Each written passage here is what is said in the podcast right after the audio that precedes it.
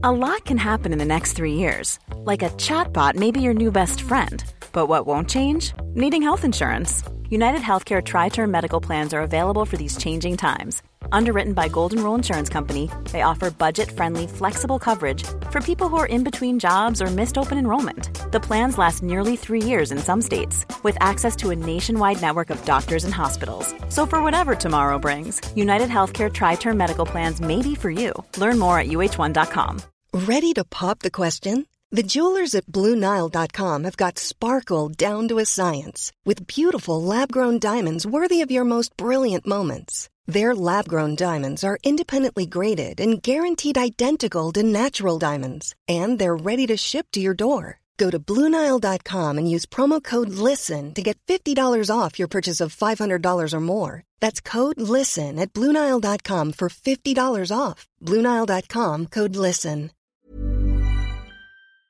Hei, jeg heter Marius Mørk Larsen og er podkastsjef i Finansavisen. Og jeg er kun her for å fortelle deg at vi lanserer en helt flett ny podkast om aksjer. Den skal hete Aksjepodden. Du får lov til å høre de første ja, fem, seks, syv, åtte minuttene av podkasten her nå med Thomas Nilsen, som er i storslag. Og etterpå så er det rett og slett bare å søke opp Aksjepodden der du hører podkast, for dette kommer du til å bli hekta på.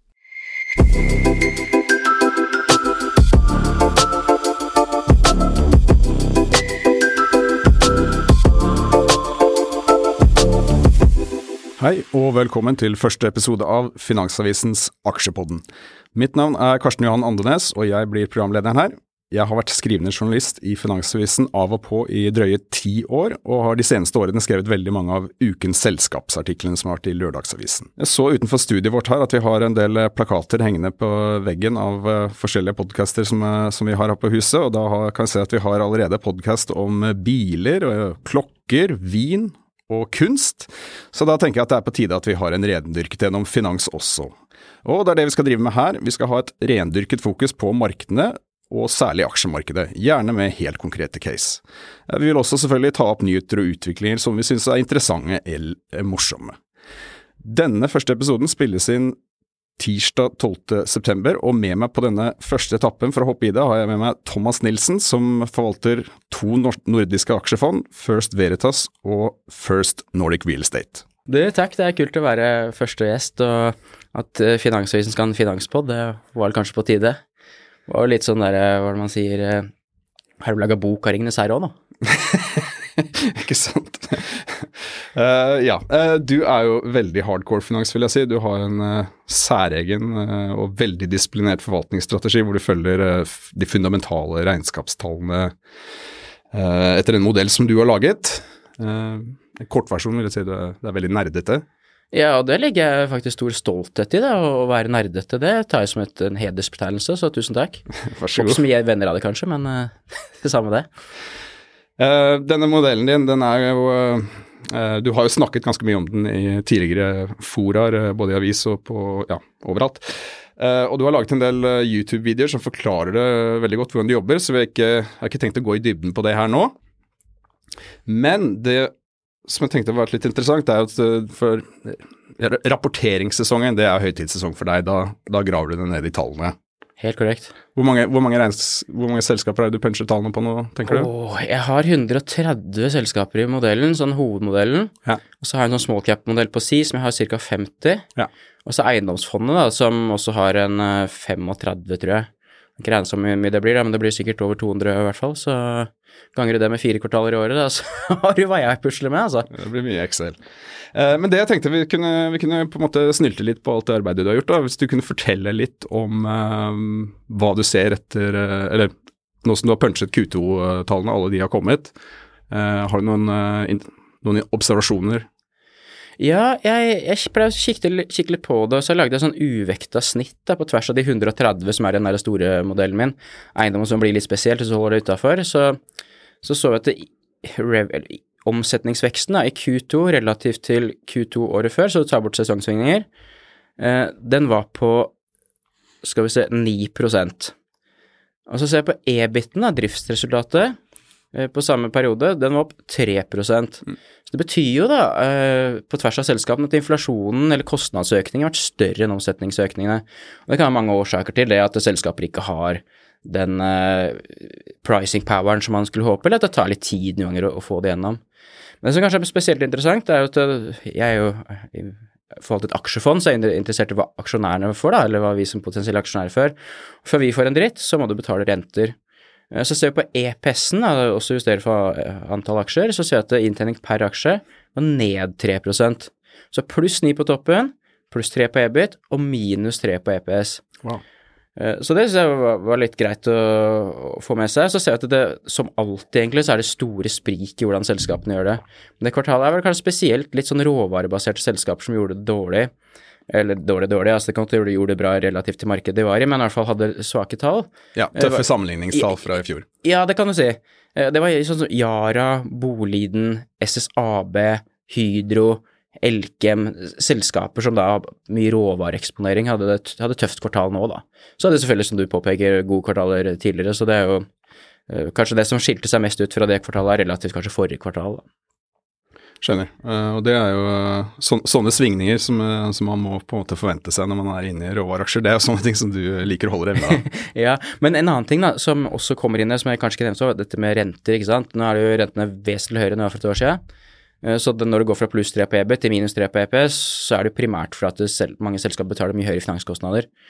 Og det er jo viktig å ta med seg. Mange snakker om eiendom, og det er selvfølgelig en opplagt sektor som har mye, mye eh, lån og høyere rentekostnader når det går opp. Men det er jo noen andre selskaper man skal være obs på i det tilfellet. Så dette er jo ekstra X eh, eiendomsselskaper, så er det også minus 3 Og, og for å ha sagt det, det er i Norden, da. Ja.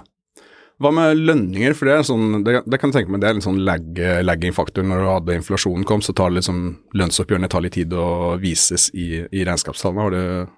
Jeg har faktisk ikke sett på det, altså, for jeg ser på hele oppveksten i ett. Og, ja. og, det er sånn husleie òg, når jeg et eiendomsfond, så håper jeg at de skal få mest mulig husleie. Så håper jeg de andre selskapene skal betale så lite som mulig, da. Eh, men det er klart, alle de faktorene har jeg bare i én bolk, da, uten å skille det, skille det ut. Riktig. Eh, du har jo, eh, som sagt, du har en ganske aktiv eh, Twitter-konto også, eh, og der meldte du eh, for noen uker siden at du hadde tegnet deg For du investerer for det meste på, det, på privaten, så investerer du for det, for det, meste i dine to egne fond. Ja, det er egentlig alt. Ja, Og du meldte for noen uker siden at du hadde tegna deg i Eiendomsfondet for første gang på en god stund. Ja, det stemmer, og jeg gjorde det forrige uke også. Det, liksom, min filosofi har vært at når jeg har, når jeg har overskuddslikviditet, så putter jeg i Veritas.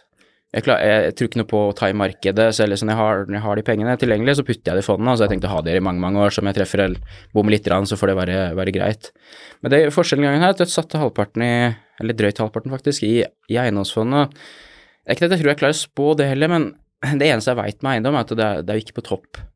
Og så er det en del sånne syk, ulike sykluser i eiendom. Du har jo rentene er opplagt, så mye høyere nå enn det har vært før, i hvert fall de foregående ti år kredittpåslaget, enten det er obligasjonsmarkedet eller bankene, er høyere enn det var før, så de to til sammen gjør at du får mye høyere finanskostnader. da.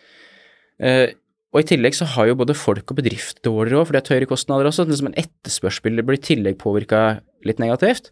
Så det er mange ting som virker imot på eiendom. Uh, og en ting som liksom virker kanskje ikke imot, men som er en effekt å sette nå, er at igangsettingen av ny, ny eiendom har falt vesentlig. Nå har vi mye bedre tall på bolig enn på næring, men ser du på bolig i Sverige, så var igangsettingsakten ned mer enn 70 mm. i Q2 relativt til Q2 året før. Og I første kvartal så var det ca. 50% så det er vesentlig ned. da. Snakker masse om i Norge at det blir bygd altfor lite og sånn, men du ser i Sverige så har den takten falt mye mer. Og det, de som tror de klarer å spå, da, sier at det skal, og det kan du kanskje til en viss grad gjøre ut fra permits og sånn, det kommer til å falle like mye i andre halvår. Og det som skjer da, er jo, som, som vi skal snakke mer om etterpå sikkert, med syklisk industri, da, som eiendom også er, når, du, når, tilbudet går masse ned, og du, du klarer å stå igjennom mm. Altså første, du konker ikke, det er nummer én, da. Nummer to, du må ikke gjøre en emisjon som gjør at du plutselig må flytte komma mange plasser i antall utstående aksjer. Og tre, du må ikke refinansiere deg i, i, i rentemarkedet eller obligasjonsmarkedet på en, på en, rente som gjør at du ødelegger alt for aksjonærene. Ja. Klarer du de tre for det første, da kommer det til å styr, stå styrka ut. Ja. Klarer du i tillegg til å være motsyklisk på det. Sånn som Sagax eh, kjøpte jo en del lager av Mekonomen i Finland til 10 bruttogild. hvis du har mulighet til å kjøpe eiendom nå, Ja. da tror jeg du i hvert fall kommer til å stå styrka ut. Fordi du ser jo at eh, veldig, veldig få nye selskaper starter opp med eiendom nå, for du får ikke lån av bankene. Bankene holder igjen, og er det noen som sikkert blir borte for de ikke klarer og de har tatt på for mye lån og, og ikke står igjennom det. Så da tror jeg at Jeg sier ikke at det her går opp i morgen, men jeg tror at hvis du jeg, jeg tror jeg kjøper her sånn, for jeg tror at på et eller annet tidspunkt så kan det her bli ordentlig moro igjen, da. Og det har ikke vært moro, for det har falt 50% fra toppen i høsten 21. Eh, Ja, det må jo være på en måte tror, første gang på mange år at det føles litt spennende å investere i eiendom. ja, det, det kan du si. Det er jo Det skal jo ikke være spennende, egentlig, men det har jo vært det. Oi! Var det slutt allerede, og her hadde du hørt alt? Vel, husk hva jeg sa i starten. Du trenger bare å søke opp Aksjepodden, så kan du høre resten av episoden med én gang. Så ikke kast bort tid på å høre på meg. Løp og søk, og hør Aksjepodden nå. Økonominyhetene er en podkast fra Finansavisen. Programledere er Marius Lorentzen, Stein Ove Haugen og Benedikte Storm Bamvik. Produsenter er Lars Brenden Skram og Bashar Johar. Og ansvarlig redaktør er Trygve Hegnar.